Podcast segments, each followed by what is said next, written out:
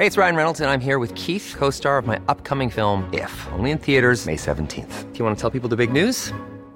All right, I'll do it. Sign up now and you'll get unlimited for $15 a month in six months of Paramount Plus Essential Plan on us. Mintmobile.com slash switch.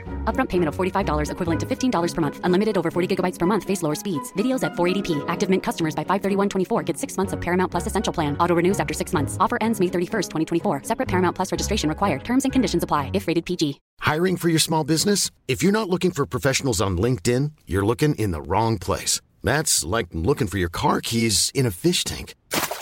LinkedIn helps you hire professionals you can't find anywhere else, even those who aren't actively searching for a new job but might be open to the perfect role. In a given month, over 70% of LinkedIn users don't even visit other leading job sites. So start looking in the right place. With LinkedIn, you can hire professionals like a professional. Post your free job on linkedin.com slash people today. Millions of people have lost weight with personalized plans from Noom. Like Evan, who can't stand salads and still lost 50 pounds. Salads generally for most people are the easy button, right? For me, that wasn't an option. I never really was a salad guy. That's just not who I am. But Noom worked for me. Get your personalized plan today at Noom.com. Real Noom user compensated to provide their story. In four weeks, the typical Noom user can expect to lose one to two pounds per week. Individual results may vary.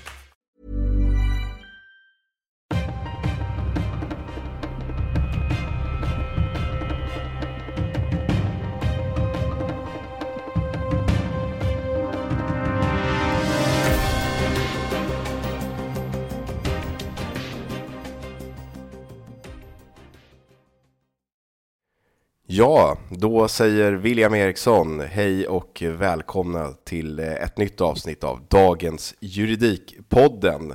Jag eh, har nu den här veckan förflyttat mig från Frankrike över gränsen till Italien och eh, på kuppen också blivit dunderförkyld. Men jag ska inte klaga, det är 25 grader varmt, solen håller på att gå upp här under onsdagsmorgonen och jag får ju möjligheten att podda med dig Stefan Wahlberg. Hur är läget? Jo, men det är väl bra här i, i, Stockholm, betydligt gråare och regnigare och kallare än i Italien. Det kan jag garantera dig och du går inte miste om några sådana här äh, väderupplevelser i den norra delen av Europa. Så är det. Vad är det som händer eh, hemma då? Vad är det man missar? Jag har noterat att eh, det har eh, publicerats en lång intervju med prins Daniel i anledning av hans 50-årsdag, bland annat. Är det någonting du har tagit del av? Du är ju ingen förespråkare för monarki, så vitt jag vet. Ja, alltså det här är en konstitutionell fråga som, som går tillbaka till de svenska grundlagarna och både successionsordningen och regeringsformen ska ju sägas. Och det är, det är eh, finns ju all anledning att lyfta det här och inte minst de här diskussionerna som faktiskt har varit kring, kring eh, den så kallade frivilligheten i att eh, axla manteln som kronprinsessa, vilket då Victoria gör idag och, och eh, möjligtvis lilla Estelle en dag kommer att göra eh, också. Och då tyckte jag att det var intressant utifrån vad prins Daniel sa i intervjun att han framhöll väldigt tydligt att det här är ju en frivillighet i, i huruvida man vill bli Sveriges statschef och just axla manteln som tronföljare och att eh, det här står hans barn, det vill säga då eh, primärt eh, Estelle fritt att välja när hon blir vuxen. Och det här är ju lite kan man säga modern inställning minst sagt från kungahusets sida att, att det inte är en betungande plikt att eh, följa upp de månghundraåriga eh, arvstraditionerna vi har i det här landet utan att det numera är då frivilligt och det är klart att det är frivilligt. Man kan ju avstå tronen och man kan, kan abdikera även som, som eh, statschef och monark i Sverige. Men jag tyckte det var rätt intressant eh, i en tid när när eh, kungahuset eh, diskuteras allt mer och eh, vi ser en, en vurm för det här i allt från då så kallad kolorerad skvallerpress till mer konservativ eh, nyhetsrapportering och inte minst då lite, lite eh, public service-mässiga intervjuer på det här sättet. Det är onekligen något som engagerar i alla riktningar. Jag, jag noterade också att prins Daniel fick en del frågor om de här skilsmässoryktena som spreds under förra året och han sa då, eh, jag citerar fritt här, att att eh, han och Victoria hade stängt dörren till det här nu och man ska inte prata mer om det. Men det finns ju en intressant juridisk fråga i det också, för det är ju en eh, sajt, eller vad man ska kalla det, Stoppa pressarna tror jag, där de här ryktena florerade och eh, liksom spreds som mest. Och där finns det ju den här juridiska frågan med, får man skriva vad som helst om man, om man driver en sajt på det sättet som den här Daniel Nylén gör med Stoppa pressarna? Ja, alltså, när det gäller kungahuset så är det ju då traditionen en, en, en, eh, har ju alltid varit någon form av symbios mellan å ena sidan deras då påstått viktiga uppdrag eh, och å andra sidan deras eh, personer och den upphöjda roll som eh, kungligheter får och den då ganska, i varje fall i en statsmannamässig mening, urvattnade uppdragsflora som tillkommer kungahuset och, och, och, monarken. Och det, det enda som till slut finns att fokusera på är deras personer och deras privatliv och eh, kungar och drottningar och prinsar och prinsessor har ju de senaste eh, decennierna varit väldigt eh, pigga på att ställa upp och visa när man lagar julkorv och, och när man för den delen ägnar sig åt sånt där som att gifta sig och, och, på andra sätt eh, sånt som kanske inte är lika intressant för statschefer som är folkvalda, vilket ju då som bekant inte vår statschef är i Sverige. Och därav den här då ganska ymniga floran utav skvaller som på högt och lågt sätt och ibland på ett skandalartat sätt som även kungahuset skulle kunna freda sig mot, eh, tycker jag, eller borde ha rätt att freda sig mot, eh, naturligtvis på ett sånt ingående plan och eh, naturligtvis också ska vara korrekt när det rapporteras kring. Jag har egentligen inte, inga, inga, jag har ingen insikt i den, den där frågan över, överlag men när det gäller skilsmässoryktena har ju prins Daniel själv i den här intervjun och kungahuset och hovet tidigare officiellt gått ut och dementerat.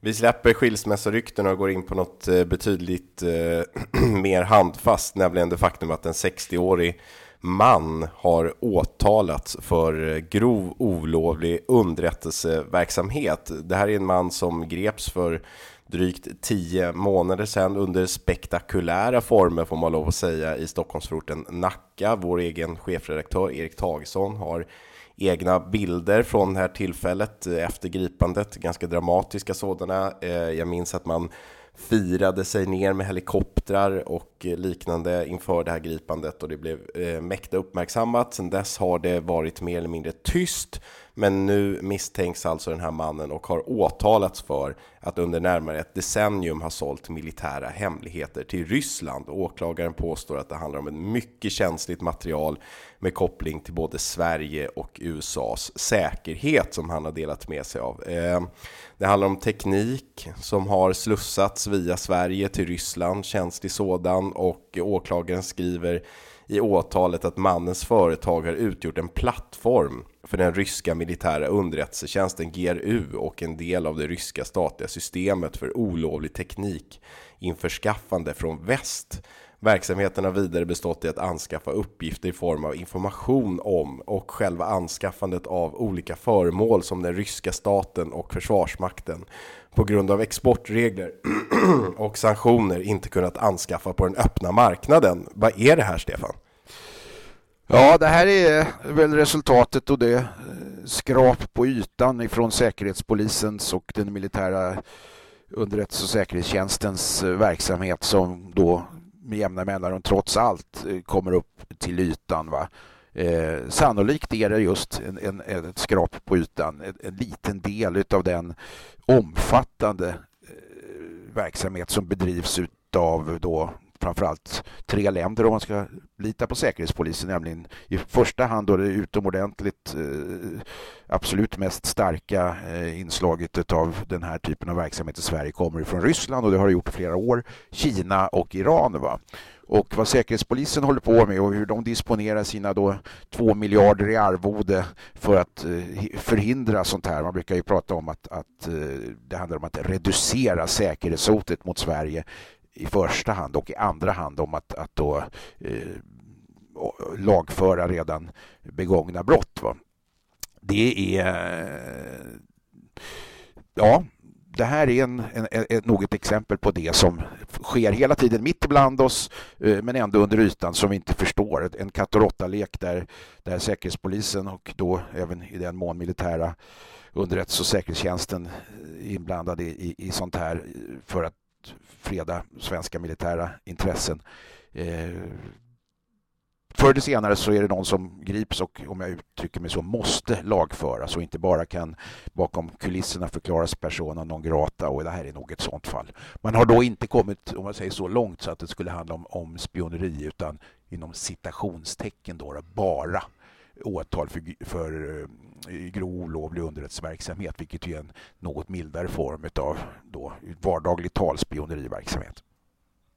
Eh, det här låter ju som ett, för mig i alla fall, som ett ganska klassiskt modus. Som jag förstår det så är det här ett sätt som ryssarna har jobbat på länge, liksom att man via de här säkerhetstjänsterna haft olika företag utomlands som man har kunnat använt som, jag vet inte vad man ska kalla det, kulisser för att importera liksom olika typer av teknik in till Ryssland. Det har inte alltid bara varit alltså försvarsmateriel och andra saker, utan beroende på vilka embargon och sanktioner som har funnits mot Sovjetunionen och Ryssland så har man velat importera olika varor och tekniska saker från väst och då har man satt upp den här typen av företag som man använt dem för att slussa in teknik eh, i Ryssland som inte har varit möjlig att köpa på den öppna marknaden. Det har väl handlat om allt från kylskåp till så att säga militär utrustning. Eh, en fråga att ställa sig. Det här är det andra ganska uppmärksammade åtalet om eh, spioneri eller grov eh, eh, olovlig underrättelseverksamhet den senaste tiden. Vi hade de här två bröderna som nyligen dömdes för, för spioneri och nu har vi det här. Eh, går det så att säga i Sverige, tror du en, en, ett land som passar sig väl för ryssarna att använda i sådana här sammanhang? Ja, det där har ju diskuterats därför att i det avseendet kan man säga att Sverige är ett väldigt öppet land och vi har vår offentlighetsprincip och eh, den så att säga, juridiska grunden som vi ofta diskuterar i både den här podden och i dagens juridik i övrigt eh, som en säga, ett grundfundament för, för vårt eh, öppna samhälle kan ju då naturligtvis missbrukas. Och det är ett känt fenomen att, att många gånger så visar det sig att, att länder som Ryssland och Kina använder sig av just öppna källor och så har de fantastiskt starka verktyg för att utifrån den informationen lägga ett pussel som, som eh, kanske många grävande journalister eh, skulle drömma om att kunna ha tillgång till i form av dataverktyg och så vidare. Och därutöver så kryddar de den här informationen med eh, lite grann eh, annat som de genom underrättelseverksamhet och agentverksamhet då Eh, Eh, får fram som ett kitt och därmed får de en helhetsbild eller så långt man kan komma en helhetsbild av sånt som rör både teknologiska och militära. Och, jag menar även sånt här som har med geopolitiska och ekonomiska mål för ett land som Ryssland eh, forskningsmässigt. Eh, det gäller inte minst Kina vet jag att man även har lyft fram. Det är, jätte, det är väldigt, jätte, vad ska jag säga, väldigt jätteviktigt. Det är jätteviktigt att, att för de här länderna att inhämta sånt här på genom då det som man kallar för svikliga metoder på det här sättet. Och jag har själv möjligtvis reagerat på att den här öppenheten i Sverige kanske många gånger i de här sammanhangen är lite för långtgången och att den är till och med naiv. Jag kan tycka att det är märkligt att man, att man eh, i en sån stor omfattning har till exempel forskningsutbyte inom vissa, vissa sektorer när det gäller teknologi och, och, och för den delen även naturvetenskapliga ämnen inom medicin och biologi som man har då med, med universitet i de här länderna. Eh, faktiskt. Jag, jag, jag, förstår att Säkerhetspolisens eh, de har en särskild enhet för det som kallas för säkerhetsskydd där man kontrollerar personer av det här slaget och så vidare. Men det är klart att många slinker igenom. Det är inte minst då kanske det här ett bevis för det fall som nu drivs där den här människan har verkat i Sverige under lång tid i form av ett, ett företag som då har, enligt åklagaren, vi ska säga, han är inte dömd ännu den här, men enligt åklagaren och åtalet i varje fall har utgjort en plattform för den ryska statens eh, inhämtning utav den här typen av information. Nu, nu finns det en förundersökning och det här ska prövas i domstol. Ehm, det finns ju vissa problem med det misstänker jag när det gäller sekretess och hemlighetshållande av olika metoder som Säkerhetspolisen har använt sig av för att, så att säga, komma den här mannen på spåren och för åklagaren att sedan väcka åtal när vi tittade på domen mot de här spionbröderna så var det ju en ganska liten del som gick att läsa och som var offentlig medan det var en stor del som, som eh, var hemligstämplad. Detsamma gällde ju för förhandlingarna i tingsrätten. Det var inte så lätt att sitta med hela tiden utan det var vissa utvalda delar där journalister och andra åhörare fick delta. Det här är ju ganska problematiskt för det är väldigt svårt att i efterhand granska den här typen av domar. Hur, hur stor del av den här domen tror du kan komma att bli offentlig och hur stor del av förundersökningen är offentlig för allmänheten att ta del av idag? Det går inte att jämföra med en, en, en eh, förundersökning eller en eh, huvudförhandling i ett eh, mål ett vanligt, man kallar det brottsbalksmål då, av omfattande slag och med samma straffvärde. Eh, så vitt jag förstår så är, är, det ett stort antal huvudförhandlingsdagar utsatta här i tingsrätten eh, varav endast ett par eh, i den förhandsbedömning som domstolen har gjort kommer att vara offentliga. Och anledningen är att, alltså den, den tilltalade har ju naturligtvis själv rätt att få del av allt material som man används emot honom och så vidare. Men man vill så långt det är möjligt eh, minimera inte bara att uppgifter ur en sån här utredning om, om vad som kan då som uppgiftskategori eh, betraktat vara intressant för, för, för de här länderna eh, att, att mer konkret sätta klorna i. Det vill man skydda, men man vill också till stor del skydda då Säkerhetspolisens metoder, alltså för deras egen kontra, kontra spionage eh, underrättelseverksamhet. Hur gör man för att knäcka den här typen av verksamhet? Sen tycker jag, det som jag sa inledningsvis, är en intressant fråga och det gäller inte bara Säpos arbete mot, mot, mot spioneri utan kanske även emot terrorism som vi har pratat en del om tidigare här. Eh, man jobbar ju mycket inom Säkerhetspolisen på, på att just reducera de här hoten i förväg. Det vill säga man försöker avslöja dem och sen så i tysthet så, så, så, eh, så säga, försvinner hoten ifrån Sverige, både avseende terrorism och i det här fallet då säkerhetshotande, från säkerhetshotande underrättelseverksamhet från utländsk makt. Och, och, och den här frågan är, är, tycker jag, ganska intressant att en myndighet, om jag uttrycker mig så här, inte kan stoltsera eller öppet eh, heller till skattebetalare och medborgare redovisa allt som man gör och det resultat som så här stannar där under ytan. Eh, utan vi får förlita oss på att de gör sitt jobb. Och den dagen de inte gör sitt jobb så vet vi ju det därför att då brukar det bli katastrofala konsekvenser i form av till exempel terrordåd eller för den delen eh, ett läge som världen befinner sig nu skulle, skulle Säpo och jag vill även här nämna MUST, alltså militära underrättelsesäkerhetstjänsten, inte gör, göra sitt jobb så, så får det katastrofala följder för Sverige i händelse av en militär konflikt. Det råder ingen tvekan om. Men låt säga att man som journalist exempelvis skulle få del av eh, den här domen i sin helhet på något sätt. Skulle man då potentiellt sett kunna göra sig skyldig till brott, typ eh, obehörig befattning med hemlig uppgift eller någonting? Är det så? Är, det, är det uppgifterna i den här förundersökningen och domen i sin helhet så pass allvarlig att det till och med skulle kunna vara brottsligt att hantera dem, tror du? Det skulle det kunna Jag kan faktiskt inte svara på det i det här fallet, men det är klart att det skulle kunna vara om det är kvalificerat hemliga uppgifter så får man, om man är medveten om det, så får man inte ens som journalist ta befattning med dem. Och om man händelsevis får dem i sin hand skickade till sig och det är just kvalificerat hemligt så, så ska man eh, eh, så, så, så, ska man så att säga inte läsa det eller, eller om man nu råkar läsa det och inser att det är att det är eh, den här typen av information så ska man då försöka radera det från sin egen hårddisk om det nu är möjligt. Det finns ju ett sådant brott i Sverige och det är ju rätt ovanligt att det, att det eh, aktualiseras. Men det kan ju omfatta även journalister faktiskt. Eh, den här mannen i 60-årsåldern försvaras av advokaten Ulrika Borg. Jag kan ju känna när jag tänker på det på det sättet att det kan vara ett väldigt svårt försvararuppdrag.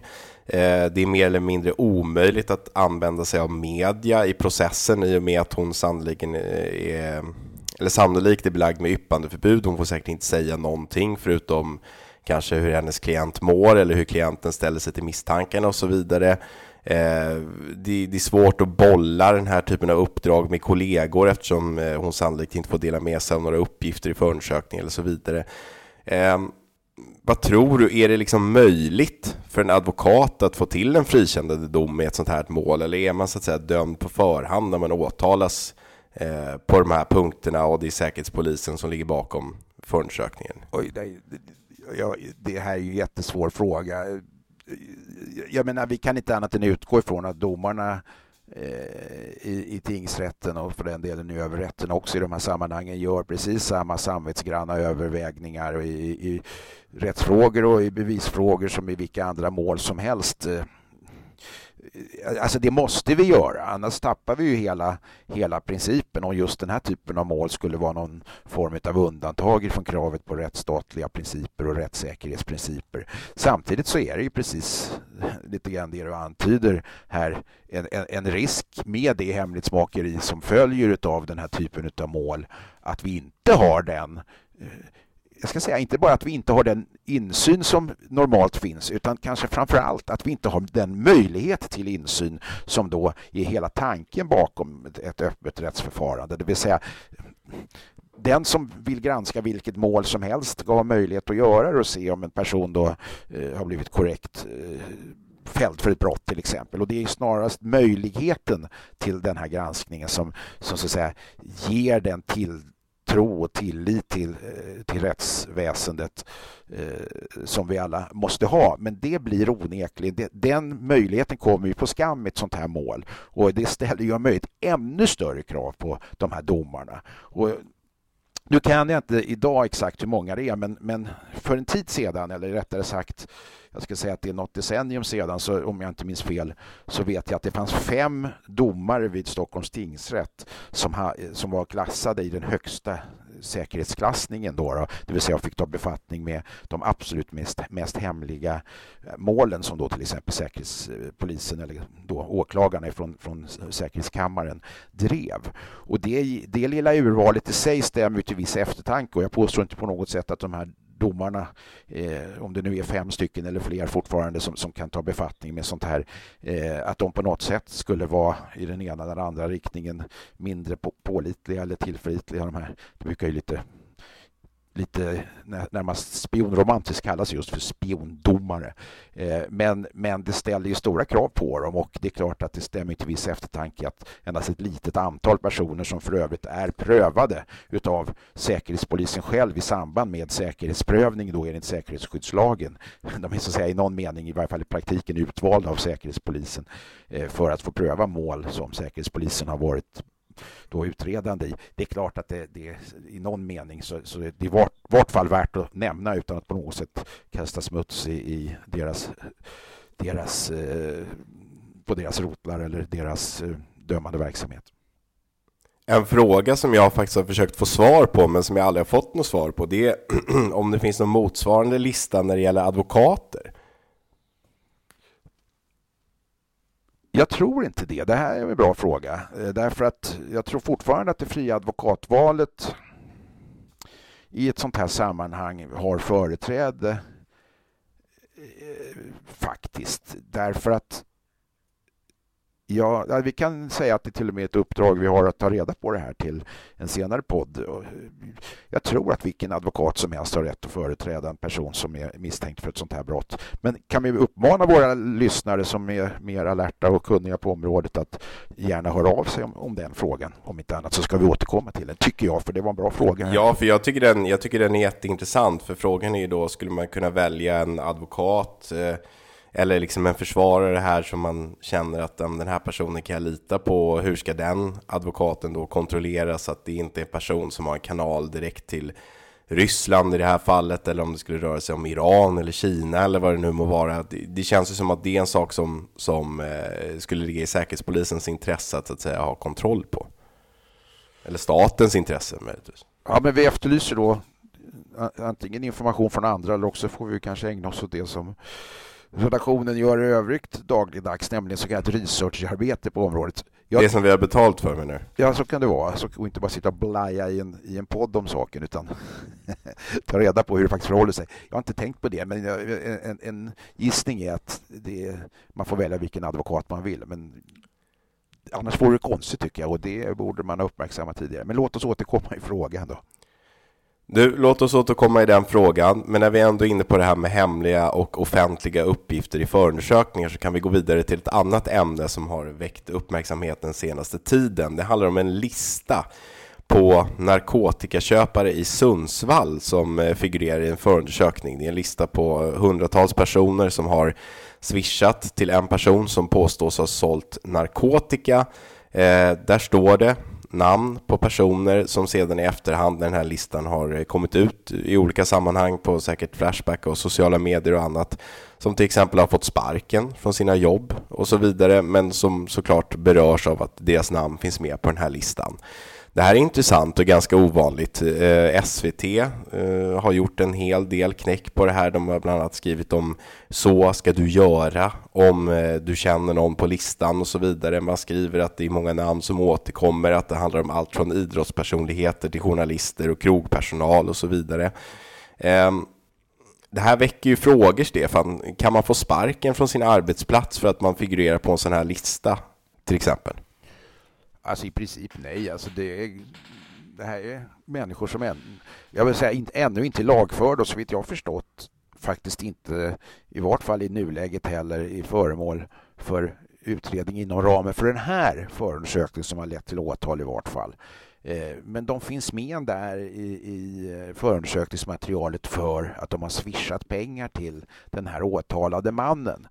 Eh, I vissa sammanhang så har det då nämnts att det handlar om köpet av tv-apparater och annat. Och det kan man ju inte bedöma utan att få frågan utredd naturligtvis.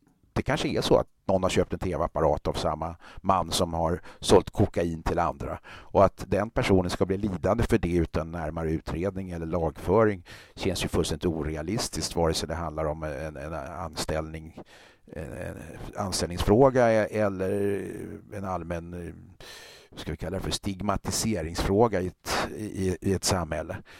Jag, jag, är inte, alltså, det här är ju konsekvenserna utav då att en förundersökning blir offentlig i normalfallet i samband med, med att åtal väckt. Så det vet vi att det inte bara är så utan att det också måste få vara så. Eh, jag vet inte varför man inte har eh, ansträngt sig för att lagföra de här köparna. Det är ju faktiskt förbjudet att förvärva narkotika i, i Sverige också. Eh, och framförallt, jag kan vända på det gärna i, i sedvanlig ordning och säga att just därför att de står där så kanske de har en, en, en, en, ett eget intresse av att frågan utreds om det är så att de har köpt en tv eller i övrigt inte kan ens visas att det faktiskt är narkotika som de har, har köpt av den här mannen och kanske till och med så att många skulle tjäna på att få saken prövad av rättsväsendet antingen på förundersökningsstadiet eller till och med i domstol. Eh, på många sätt är det olyckligt och dessutom är det naturligtvis så att sprida en sån här lista med påstående om att de är eh, kokainköpare eh, på till exempel internet kan i sig vara kriminellt och straffbart i form av förtal. Men det finns så att säga ingen möjlighet att det här är en lista som skulle kunna anonymiserats eller maskats i förundersökningen, utan den här listan ska ligga som den gör i en förundersökning, punkt. Sen är det upp till så att säga varje enskild person eller upp till polisen att bestämma vad man vill göra med de här uppgifterna, om man vill eh, försöka lagföra de här personerna eller inte. Det är inte så att domstolen skulle kunna tagit hänsyn till att den här listan det finns personer här som så att säga ändå inte är misstänkta för något brott och att man därmed hade så att säga anonymiserat listan i fuppen.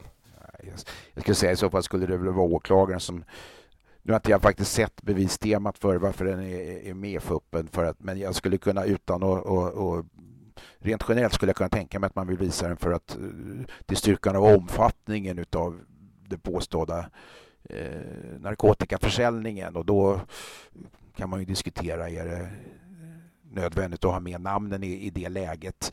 Ja, det är, grundregeln är naturligtvis att om, om du inte har med namnen så går det inte för utomstående eller för den delen för försvaret eller domstolen att, att, säga, kontrollera det på samma sätt i, i, när det gäller trovärdighet och ju mer uppgifter i en förundersökning som, som så att säga avidentifieras är, är, desto mindre trovärdigt blir det och så vidare. Jag, jag, tror att det är sånt som ligger till grund för det här men, men det har ju fått i det här fallet ovanligt, alltså ovanlig spridning och ovanliga konsekvenser eh, just det faktum att man kan säga att svenska domstolar och för den delen åklagarkamrar är, är eh, överlastade med offentliga förundersökningar som normalt ingen annan än sådana som du och jag och lite annat löst folk läser. Men, men i de här sammanhangen får uppgifterna onekligen fötter och, och med den här digitaliserade världen så, så, så hamnar det det går väldigt långt och väldigt snabbt och, och, och, eh, jag ska inte säga att Sundsvall är en liten stad, det är en väldigt trevlig stad tycker jag själv. Jag har varit där en, en hel del. Men det är en, en, en mindre stad än, än, till exempel Stockholm och det är en stad där många känner varandra, så kan man nog ut, uttrycka sig. Och där får ju sådana här uppgifter naturligtvis mer genomslagen kanske i en, i en stad där man knappt känner sin granne. Va? Det är intressant mot bakgrund av det vi pratade om, eller som du sa i början här, att det finns uppgifter om att personer på den här listan påstår att de kanske har köpt en TV av den här misstänkte 28-åringen som är åtalad här. Men då säger Sundsvalls kommuns narkotikasamordnare Robert Gatugård till SVT att nu vet ju arbetsgivare, kollegor, barn och föräldrar vilka som beblandar sig med narkotika och det kan ju vara värt att ifrågasätta. Det tycker jag är ett intressant förhållningssätt, för det vet ju faktiskt inte han att det är så. Alltså oavsett om man kanske kan utgå ifrån att 99 av 100 som finns med på den här listan har köpt narkotika så är det ju faktiskt inte prövat i domstol och då tycker inte jag riktigt att man kan säga så. Nej, jag tycker väl också, jag såg det och jag tyckte också att det han, är inte ens, eh, han är nog inte den enda som uttalar sig om det här för jag, jag har sett liknande tendenser och, och eh, det är lite grann tycker jag då, eller lite grann eh, underdrift, det, det, det är rejält att runda våra grundprinciper i ett samhälle om att den som inte är dömd och lagförd av en domstol för en kriminell gärning ska betraktas som oskyldig.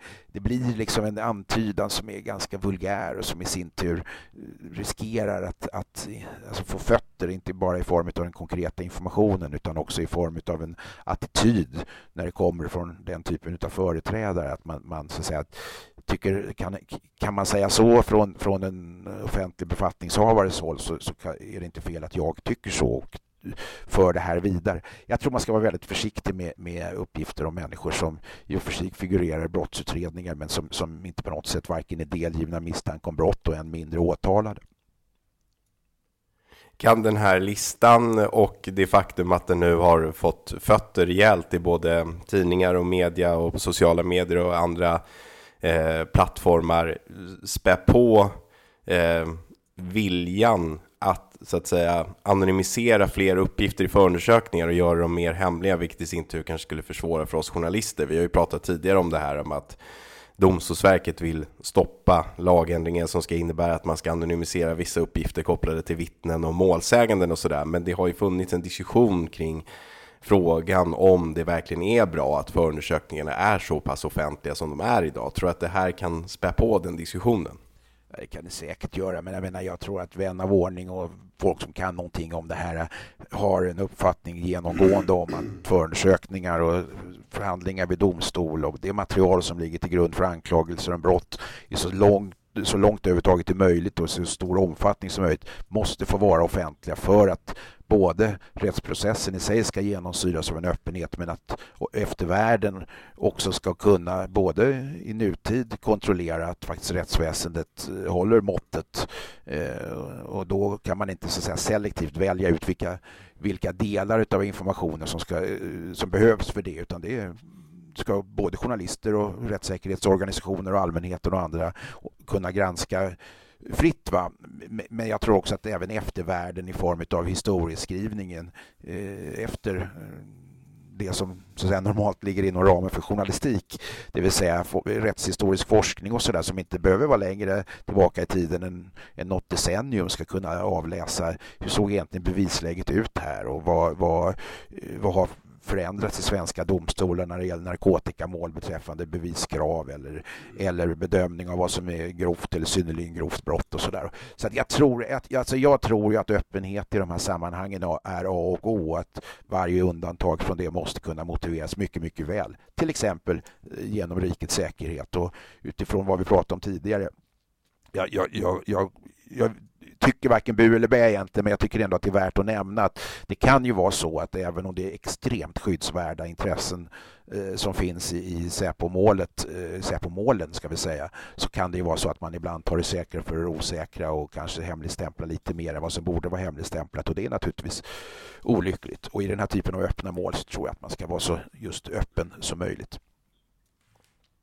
Du, om vi går vidare till ett eh, tredje och eh, sista ämne som jag tänkte att vi skulle prata om idag så ska det handla om eh, sexuella trakasserier inom advokatbranschen. För Advokatsamfundet har i veckan här publicerat en undersökning om sexuella trakasserier och kränkande särbehandling som är en uppföljning av en tidigare sådan undersökning som gjordes under 2019. Och i ett pressmeddelande på sin hemsida så skriver man att 27 procent av advokaterna och de biträdande juristerna har utsatts för kränkande särbehandling och 14 procent för sexuella trakasserier.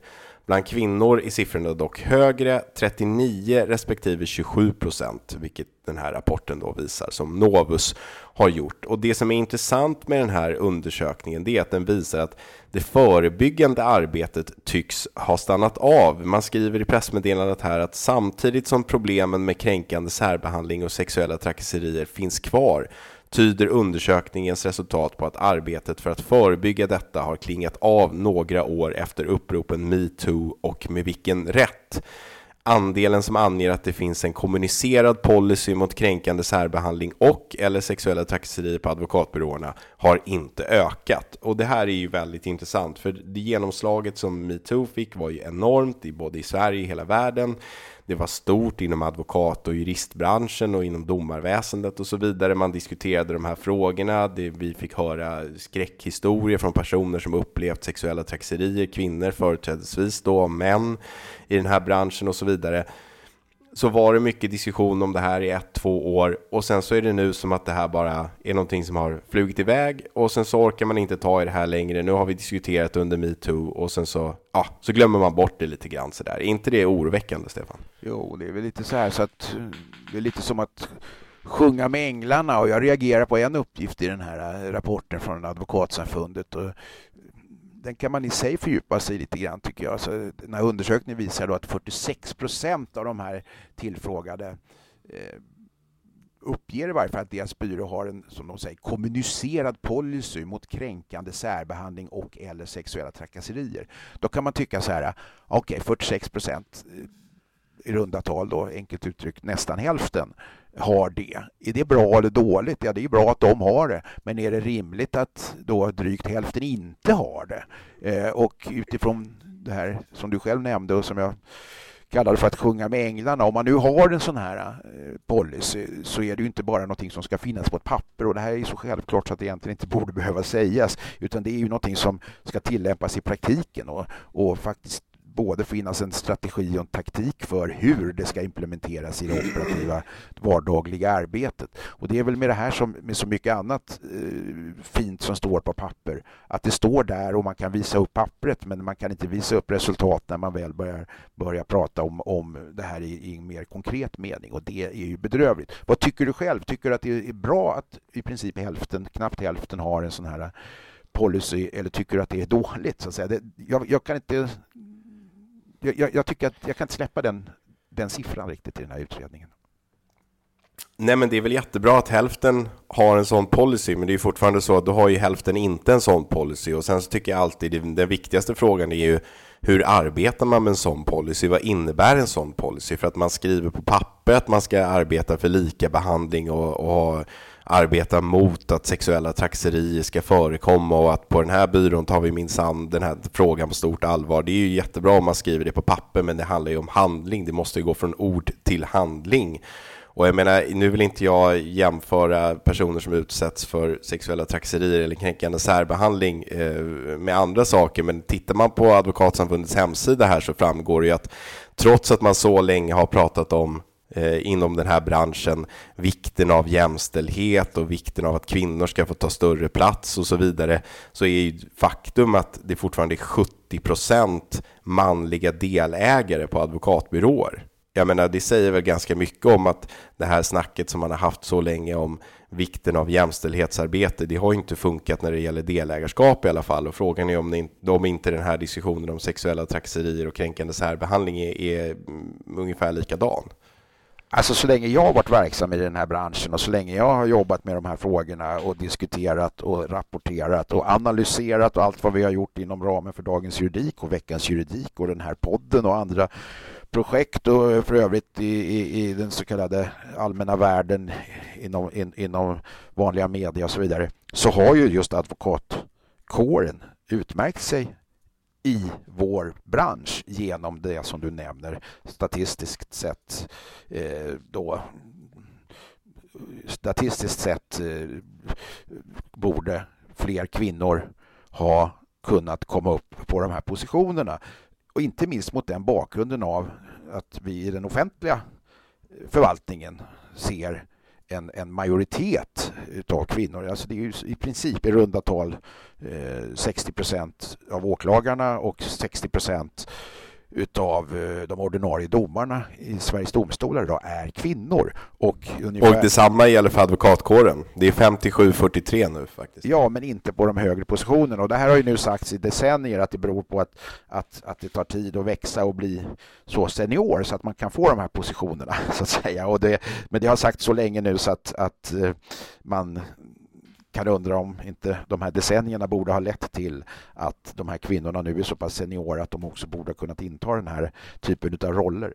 Eh, vi har därutöver på studentutbildningarna någonting som jag menar, det, är, det är någonstans mellan, när, jag vet inte om det börjar närma sig 70 procent, men det är i alla fall över 60 procent av kvinnorna, ja, förlåt mig, av juriststudenterna som är kvinnor, därför att det, det är en utbildning som onekligen attraherar kvinnor betydligt mycket mer än män just nu.